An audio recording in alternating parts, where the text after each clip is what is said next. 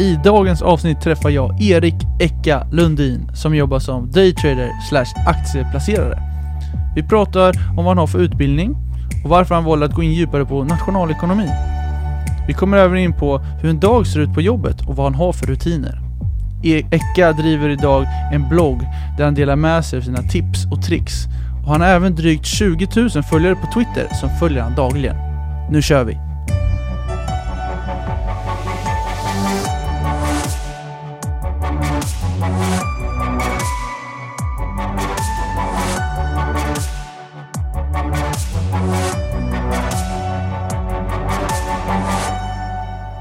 Sådär, varmt välkomna till Yrkespodden alla lyssnare. I dagens avsnitt så har jag med en gäst som heter Erik Lundin. Välkommen! Tack, tja!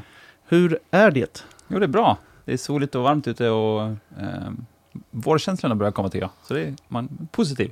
Skönt. Eh, och du jobbar idag som daytrader Yes. och det ska vi prata mer om alldeles strax. Men först får du berätta, vem är Erik Lundin? Eh, nej, jag är en 27-årig dalmas. Eh, född och eh, uppvuxen i Falun. Eh, har väl egentligen eh, idrottat hela min uppväxt. Eh, men också har haft ett stort intresse för ekonomi. Så jag är väl en utbildad ekonom, men eh, jag har väl ett stort idrottsintresse också. Och eh, du är utbildad. Yes. Vad är du utbildad i? Jag har läst eh, nationalekonomi, som jag har min examen i. Och vart läste du den? Eh, Jag läste ett år här på Örebro, eh, men de två första gjorde jag i Borlänge. Okej. Och vilken stad i, i Borlänge alltså? Yes, precis. Och vad heter Borlänges eh, universitet? Är det? Nej, men det är Högskolan Dalarna, Okej, eh, går det väl under. grymt. Men du kan också få berätta lite här. Eh, hur ser det ut när man ska utbilda sig till nationalekonom? Är det treårigt? Är det fyraårigt? Är det... Eh, Jag gick en vanlig kandidat, eh, så det är ju tre år. Så första året så var det ju väldigt mycket eh, eller grundläggande med företagsekonomi och eh, vi kanske läste lite juridik eller någonting sånt där också för mig. Ehm, ganska brett i början. Ehm, sen andra året så läste vi lite mer, eh, fick man välja mellan nationalekonomi och företagsekonomi. Där jag tyckte att nationalekonomi ehm, stack ut lite, eller det är lite mer konkret kan jag tycka. Um, det har väl också kanske lite eh, större relation till det som jag gör idag. Som, som var intressant då, så då valde jag det. Och eh, när du valde nation- nationalekonomi, kände du direkt då när du var där eh, på universitetet att det här var min grej? Eller kände du att det var lite svajigt i början kanske? Eh, jag skulle inte säga att det kanske inte var min grej, men jag skulle ändå säga att eh, det var ju absolut det som lockade mest.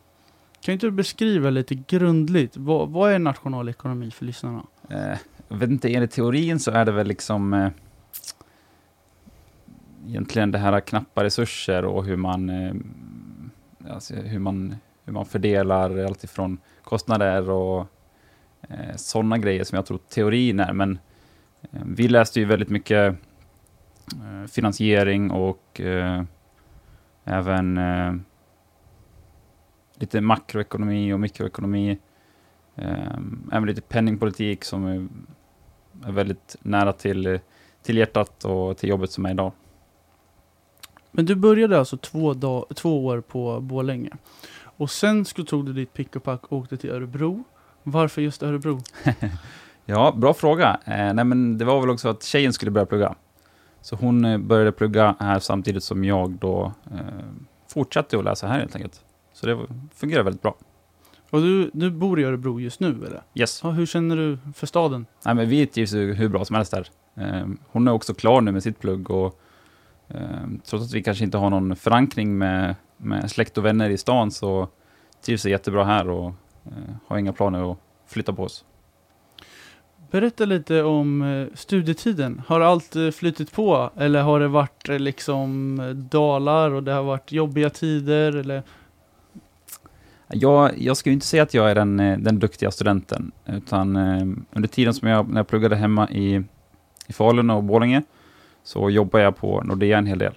Eh, så då var det ganska mycket prioriteringar på att, eh, att plugga lite egna tider, lite obekväma tider, Eh, var ju inte på alla föreläsningar, eh, men det är också en möjlighet på, på universitetet att, att kunna få välja. Men du jobbade på Nordea alltså? Yes. Okej, vad fick du göra där då? Eh, det var en vanlig kundservice i, i kundtjänst. Eh, som du kom in och du skulle öppna ett konto eller vad det nu var. Eh, alla möjliga ärenden. Och det var både i Borlänge och i Örebro, eller bara här i Örebro? Jag har jobbat på båda kontoren. Ah, okej. Mm.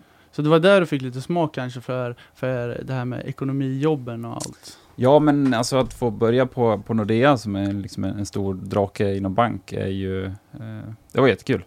Och jag har lärt mig jättemycket där. Men eh, visste du vad du ville bli i, alltså, i yngre ålder? Eller var det Nej. också så här, gick du typ som jag som går ekonomi, att det är så brett? Så jag valde någonting som är väldigt, väldigt brett för att jag vet inte riktigt vad jag vill bli. Nej, det, jag skulle inte säga att det var något specifikt kanske yrke som man var ute efter, men ehm, jag har alltid gillat eh, siffror och, och matematik liksom, som, som jag tycker är roligt. Och jag testade att eh, plugga lite civilingenjör, men eh, det var väl programmeringen som kanske tog stopp där, men eh, jag har alltid gillat siffrorna och då kom väl eh, steget in på ekonomi ganska naturligt. Men från grunden, du måste ju ha börjat lite med aktier eh, privat. Eh, och när, när, vilken ålder började du där då? Nej, men jag, jag öppnade min första depå så fort jag bara kunde när jag fyllde 18. Ehm, och började väl eh, läsa på, eller läsa och läsa. ehm, titta runt och läsa mycket forum och ehm, försöka hitta intressanta grejer då. Ehm, köpen i sig var väl kanske inte så, så bra eller eh, viktiga, men eh, de i alla fall, de fick mig hitta intresset. Men eh, var det typ så att du startade ett konto på Avanza då och sen bara, nu ska jag liksom experimentera lite? Ja, men precis. Eh, det var ju Avanza och man kunde komma igång på, på nolltid. Eh, jag kommer ihåg att jag köpte de, de billiga aktierna, eh, alltså i, i pris i kronor, då, så att man fick mycket aktier. Eh, då trodde man ju att den kunde gå upp, eh, ja, kunde gå upp mer, liksom. Mer än de som kanske kostade 100 kronor, det var ju dyrt. Sen är det någon som kostade 50 öre. Liksom. Eh, så det var väl så jag började. Det var då du hittade så här, ja det här, fan vad kul det här är. Ja, men det, det var ju riktigt roligt och jag har alltid gillat eh, marknaden. Eh, tycker den är rolig. Ehm, men eh, just då så förstod jag väl inte helheten i det och hur stor, hur viktig börsen är i, i, i världen och i ett samhälle. Liksom. Hur gick det i början då? Gick det så bara, åh jäklar nu tjänar jag massa pengar eller var det tvärtom? Nej, men jag skulle säga varken eller. Det hände egentligen ingenting. Det känns som att man bara kanske betalade avgifter eller... Eh, eh, men så var det ju. Ehm, och det är väl kanske också bra att det inte gick eh, hur bra som helst i början, så, att man fick liksom... Lära sig liksom, Ja, precis. den hårda vägen. Ja. Men eh, vi tänkte gå in lite nu på, på ditt jobb. Mm. Eh, ditt jobb är väldigt spännande och jag tror det är många lyssnare som inte riktigt vet hur det går till. Eh, men då tänkte jag att du skulle få beskriva först och främst eh, vad, vad man gör. Ehm, ja, men alltså, ja, jag skulle säga att jag är ju en, jag är ju en daytrader. Det betyder då att jag, ehm, jag bara har och äger aktier ehm, från öppning till stängning på börsen. Eh, och sen, eh, eh, ja men jag äger ingenting över, över natten. Eh, så att jag köper och säljer under dagarna i hopp om att eh, göra vinster som, som då är, blir min lön.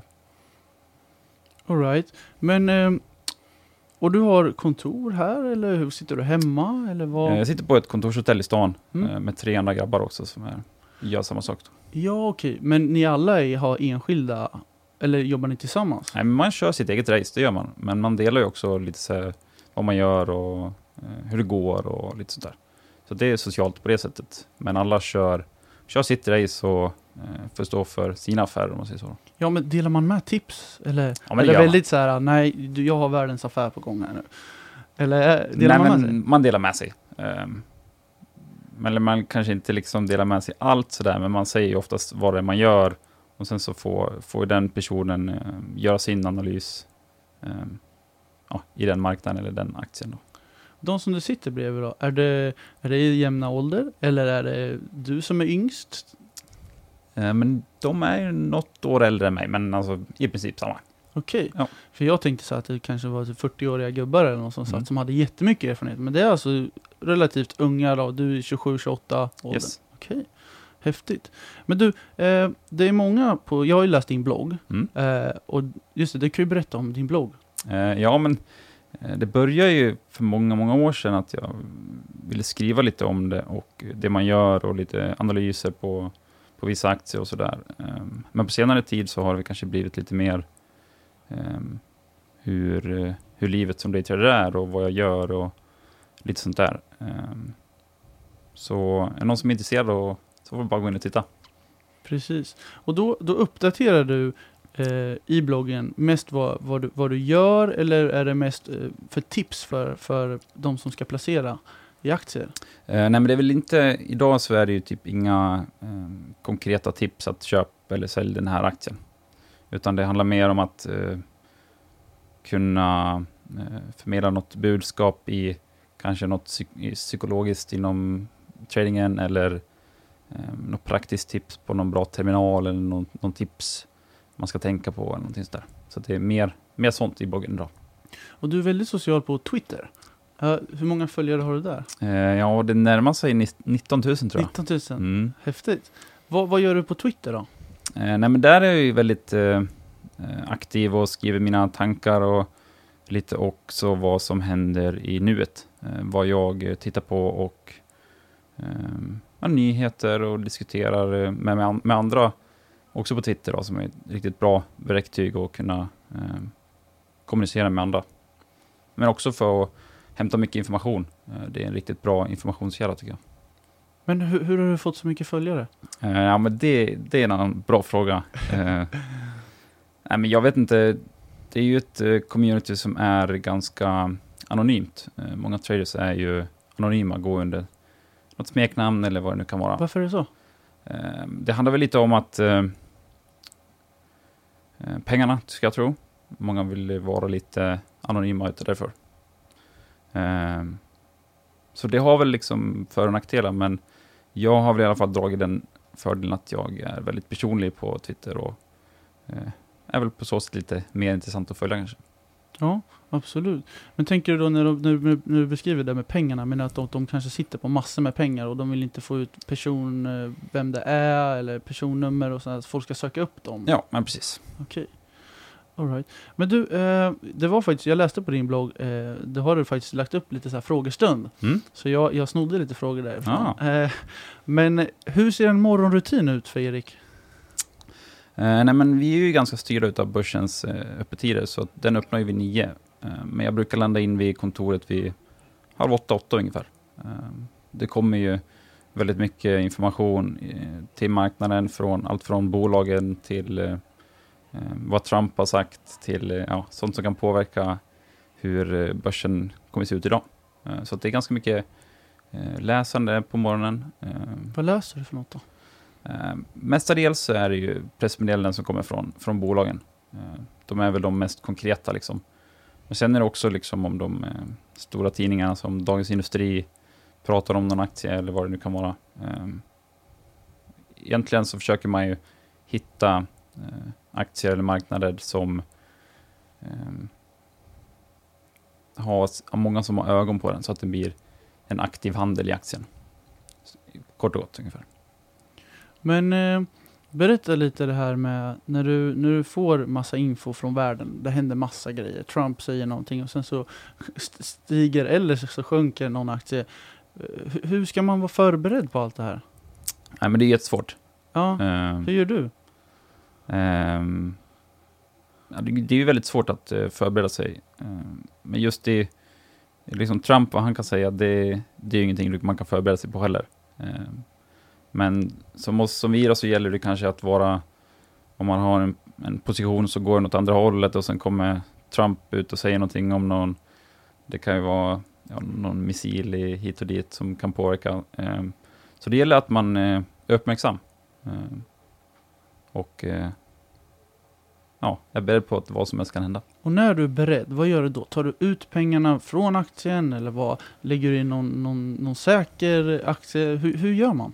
Eh, nej, men det är lite, det beror på lite kanske vad du har för typ av position eh, och vad tanken med positionen var. Eh, har du kanske lite längre sikt så då spelar det kanske ingen roll vad, vad Trump säger på, på morgonen, men eh, ehm, det är ju också en, en, risk som finns i marknaden att, eh, att eh, vad som helst kan hända. Och eh, det betyder då att man kanske ska ha, man kan ju sätta sådana här eh, stoppar ungefär. Då. Så går den under den här, det här priset så säljer jag. Eh, så det kan ju vara bra att använda, använda sig av sådana. Hur mycket påverkar, eh, för handlar du på bara svenska marknaden eller handlar du på internationella? För att eh, till exempel amerikanska börsen, den läste jag att den öppnar ju mycket senare på dagen, är det inte så? Jo, precis. Och hur jobbar du sent på kvällar då, eller hur? Eh, nej, den öppnar ju halv fyra, så vi har ju ungefär en, eh, två timmar innan våran stänger då, som de är samtidigt öppnar då. Eh, men sen så stänger ju USA-börsen klockan 22 på kvällarna och eh, även om man kanske inte sitter och handlar aktivt så vet, vill man ju titta lite hur det går. Och, eh, för den, den, påverkar ju våran svenska börs liksom dagen efter och sådär. Eh, så jag, jag sitter ju inte och handlar på kvällar men jag vet ju i alla fall hur det går eh, på USA-börsen. Men har du gjort det tidigare, att du handlar på kvällar så, men nu har du hittat en liksom dagsrutin? Ja, nej men absolut. Jag tycker det är viktigt att eh, försöka hitta en bra balans mellan jobb och fritid liksom, och försöka att jag alltid är, när jag kommer till kontoret dagen efter så vill jag ju vara utvilad och redo för en, för en ny dag. Men börsen, är den alltid stängd på helger? Eller? Ja, det är den. Den är det? Så det blir liksom som ett vardagsjobb? Ja, men det blir det ju. Det är typ upp, uppgjort liksom? Ja, vi är ju liksom styrda utav, börsen öppnar ju klockan nio och sen så stänger den halv sex då. All right. Jag läste lite om eh, Börshajen. Det känner du säkert till? Yes. Vem det är? Vem är det? Eh, det andra heter hon, jag har inte träffat henne, eh, men hon är väl en, eh, en eh, kvinna som har eh, ja, men hon har gjort ett riktigt bra varumärke kring, eh, eh kring sparande mer. Eh, I början så var hon väl ute efter lite mer att hon var en eh, trader och hon fick väl en hel del, eh, hel del kritik, kanske inte från, från mig, men i alla fall från, från mina kollegor och sådär. Men idag så bedriver hon ju då ett liten akademi kring hur man ska utbilda ehm, ja, mer, mer sparare än kanske trader som vi är då. Men du träffar traders, eh, Börshajen hon är ju alltså kvinna och är detta yrket mansdominerat? Eller hur har du märkt, eller hur känner du? Är det väldigt jämställt? Nej, det är ju väldigt, väldigt dåligt jämställt, så att säga. Eh, majoriteten av mina, mina kollegor är ju manliga, eh, vilket är ganska tråkigt. Eh, Varför är det så då? Vet inte. Eh, det kanske är någonting med att eh, det finns inte mycket förebilder.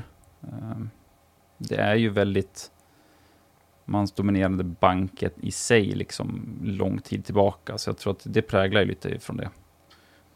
Vilket är ganska tråkigt, de säger ju att, att eh, tjejer är bra på att hantera risk, eh, vilket man måste vara bra på om man ska vara trader. Så att, eh, jag tror att de skulle kunna göra bra ifrån sig. Jag läste lite med börshajen att hon hade också lagt ett, en, en, en rutin som hon hade på dagen. Och så skrev hon att ah, så här gör hon 9.00 och så här gör hon 10.00 och sen så kommer det till lunch 12.00 och då skrev hon nej jag har inte tid med lunch, jag brukar ofta skippa det. Och sen bara kör på. Och så tänkte jag så här, okej okay, det är väl inte så sunt att göra det. Hur går det till för dig? Ja, men vi, ja men de flesta luncherna käkar vi framför skärmarna. Um, har man inte matlåda med sig så då springer man iväg och hämtar någonting, men uh, vi sitter ju där liksom från 8 till eh, 16, och, eller till 18 och um, är ju egentligen beredda på, på vad som helst kan hända. Um, så det är ibland att vi, vi tar en lite längre lunch och där, men uh, initialt så sitter vi som henne att vi har inte tid med så mycket annat.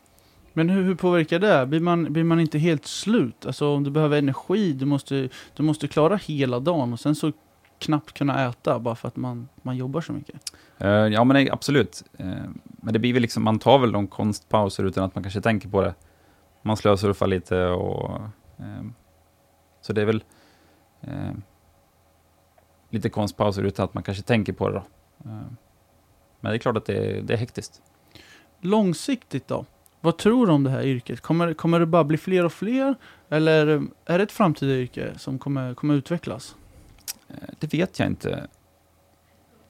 Om man ser på, på yrket som, eh, som, en, man kan jobba på som en bank då. Det kan ju vara daytrader på en, på en bank, en investmentbank. Eh, Det yrket har ju verkligen försvunnit. Varför då? Det försvann väl framförallt efter eh, 2008 och finanskrisen. Eh, Och sen är det väl också väldigt reglerat med, med allt ifrån eh, bonusar och eh, sådana saker idag. Eh, Så att eh, det är väl ganska många som, som kör själv idag istället. Istället för att sitta på, på en bank och dra in pengar åt dem. Så är man bra på det så kan man sitta och dra in pengarna och behålla dem själv. Då. Och hur blir man en bra daytrader? Det är ju väldigt, väldigt bra fråga. Eh, Men det finns ju väldigt många tillvägagångssätt på börsen och det gäller att man ska hitta sin strategi. Eh, Det tar ju väldigt lång tid. Men när man väl gör det så finns det ju väldigt, eh, väldigt goda möjligheter tycker jag. Men du säger, du säger att det tar lång tid. Jag, jag ser en kille här som är ganska ung, som inte har hållit på så länge. Eh, hur kommer det sig då? Att du blev så bra? Eh, nej men, jag vet inte om jag skulle säga att jag är så bra, men jag är ändå... Eh, jag har hittat någonting som, som fungerar för mig och passar mig. Eh, För du kan ju livnära dig på det. Ja, men det kan jag göra. Ehm, men jag har ju ändå haft en ganska lång tid, um, som under tiden som jag verkligen provade mig fram och försökte hitta strategierna som fungerade för mig. Hur länge har du jobbat i den här branschen nu då? Uh, nej, men jag har ju handlat liksom sen jag, mer aktivt sen jag liksom började plugga. Och det är ju nästan, kan det vara sex år sedan snart. Eh, så det har väl liksom under tiden som jag pluggade så byggde jag ju upp den här eh, långsiktiga tåget in på börsen som man, som man måste ha om man ska vara en aktiv. Då. Eh, så då kunde jag ju plugga, plugga på obekväma tider och så kunde jag sitta och studera aktier på under tiden som den var öppen. Men vad, är- vad, är, vad är planerna nu då? Vad, ska du starta ett eget imperium? Eller vad, vad är framtidsplanerna? Nej, men jag vill, vill inte ändra på någonting som jag trivs med idag. Eh, jag trivs jättebra på, på kontoret och med det, med det jag gör idag. Så att det är väl liksom mer yrket i sig som man försöker bli bättre på och kanske ta större positioner, eh, tjäna mer pengar. Eh, det är väl någonting som, som ligger framåt efter oss då. Ja, för jag tänker så här, det finns ju lite olika mål som du säger, att bli bättre och tjäna mer pengar. Men det här med sociala medier, få, få, få större kanaler, få, få, större, eh, få mer folk som, som blir inspirerade och tar tips. Eh, Är det där någonting som du också kommer försöka utveckla? Ja, men absolut. Jag började med lite så föreläsningar och fått lite förfrågningar till att ställa upp och det är jättekul. Ehm, men det är också lite ett bonussidan av liksom. Eh, fokus är ju verkligen på, på tradingen, det som jag tycker är riktigt, riktigt roligt helt enkelt. För jag tänker att om du ska åka ut och föreläsa och du kan knappt ta en lunch, hur eh, funkar det? Nej, men det, det funkar bra. Eh, Det handlar mer om att jag liksom ska intala för mig själv att nu ska jag göra det här och då måste jag släppa marknaden. Eh, kan vara lättare sagt än gjort, men eh, det är nyttigt ibland också. Är du beredd på att du kan gå på mycket förlust? Just, det kan hända liksom. Ja, men det är jag. Och det är någonting som du lär dig hantera. Eh, Men är det, är det jobbigt att känna, beskriv hur du hanterar allt det här. Eh, ja, men förluster är ju någonting som, det är väl ganska oundvikligt. Det kommer ju och går. Eh, frågan är ju bara hur du hanterar dem. Eh, så det är, väl, det är väl ett väldigt psykologiskt arbete egentligen som det kommer ner till. Som vilken, man kan dra en parallell till elitidrottare eller någonting sånt där. Eh, när det går bra, då är det jättelätt. Eh, då sprutar man in mål som fotbollsspelare eller vad man nu gör. Liksom. Eh, så det gäller att hantera eh, motgångarna bra och eh, det tycker jag väl att jag ändå gör rätt bra. Eh, Man bryter ihop då, man, drar in musen i skärmen och blir förbannad, det får man bli, men eh, gäller att utvärdera sen vad man gjorde fel och sen bygga vidare på det. Jag förstår. Eh, på din hemsida så märkte jag väldigt mycket att det står att det är på, allt är på egen risk. Varför, varför, varför är det så? Varför måste man förmedla sånt? Eh, nej men det är väl det är väl ganska oklart kring det där, men man ska ju inte ge rekommendationer och alla står för sina egna beslut eh, eh kring saker man, ting man läser i allt från tidningar till eh, analyser som banker publicerar och sånt där. Eh, de tar ju inte ansvar, eller jag tar inte heller ansvar vad, vad mina läsare gör eh, med informationen som jag förmedlar. Men har du någon skyldighet att visa upp det till exempel på hemsidan? Är det någon lag på sånt? Nej. Nej. Utan jag vet inte. Eh, ja, nej, jag vet faktiskt inte. Men det, det är väl schysst liksom att säga att eh, jag också påminna dem att eh, eh, det sker på egen risk helt enkelt. Men kan du påverka marknaden med att vara en sån här daytrader som, som, som du är på Twitter med nästan 20 000 följare? Påverkar du mycket företag då? Eh, ja, men det kan jag absolut göra. Eh, kanske de, de mindre aktierna där jag, där eh, det behövs inte så stora summor för att flytta kursen om man säger så. Så det är klart att det är fullt möjligt. Så det är, det är anledningen till att jag kanske inte ger så mycket tips och skriver om vilka, vilka aktier jag kanske handlar. Så det är, det är väl tack vare att man vill slippa sånt där. För det är alltid någon som blir klämd och lite sådär. Men hör företag av sig till dig då till exempel och skriver så här, nej det här kan du inte göra, det här kan du inte skriva, du, det, det här påverkar oss jättenegativt eller positivt? Uh, nej, det har de väl inte gjort, utan det är väl inte bolagen i sig som, som har någon åsikt egentligen. Uh, men det är väl mer Ekobrottsmyndigheten och lite sånt där. Vad är det för något? Ja, men det är myndigheten som bevakar alla möjliga transaktioner med allt ifrån folk som handlar på eh, information som marknaden kanske inte har. Så de bevakar ju folk som också eh, kanske skriver jättepositiva analyser om ett bolag och sen så står de och eh, säljer aktier själv till exempel. Och det är väl kanske inte liksom olagligt i sig, men det är väldigt eh, oklart vad som är eh, godkänt och inte. Liksom så. Du, eh, vi ska faktiskt eh, avrunda det här lite nu. Eh, och då ska du faktiskt få ge tre avslutande tips till en framtida daytrader, alltså någon som vill jobba som eh, aktieplacerare. Då. Eh, och det första tipset du ska få ge, det är alltså vad, vad ska man tänka på liksom? Jag skulle säga att man ska försöka hålla det enkelt. Gå din egen väg och Eh, jobba, jobba långsiktigt, sätta upp en långsiktig plan, även om man kanske som vi då placerar kortsiktigt så kan du ändå sätta en långsiktig plan. Tips nummer två till en daytrader. Vad skulle du säga då? Jag skulle säga hitta en marknad som du tycker är uh, intresserad, eller du är intresserad av. Uh, någonting som du tycker är roligt. Uh, det kommer ju, ehm, du kommer få mycket gratis genom att göra någonting som du tycker är kul. Och ett avslutande tips till en daytrader? Um, ha respekt för marknaden och uh, var ödmjuk. Jättebra tips. Stort tack för att du var med på Yrkespodden. Tack, tack.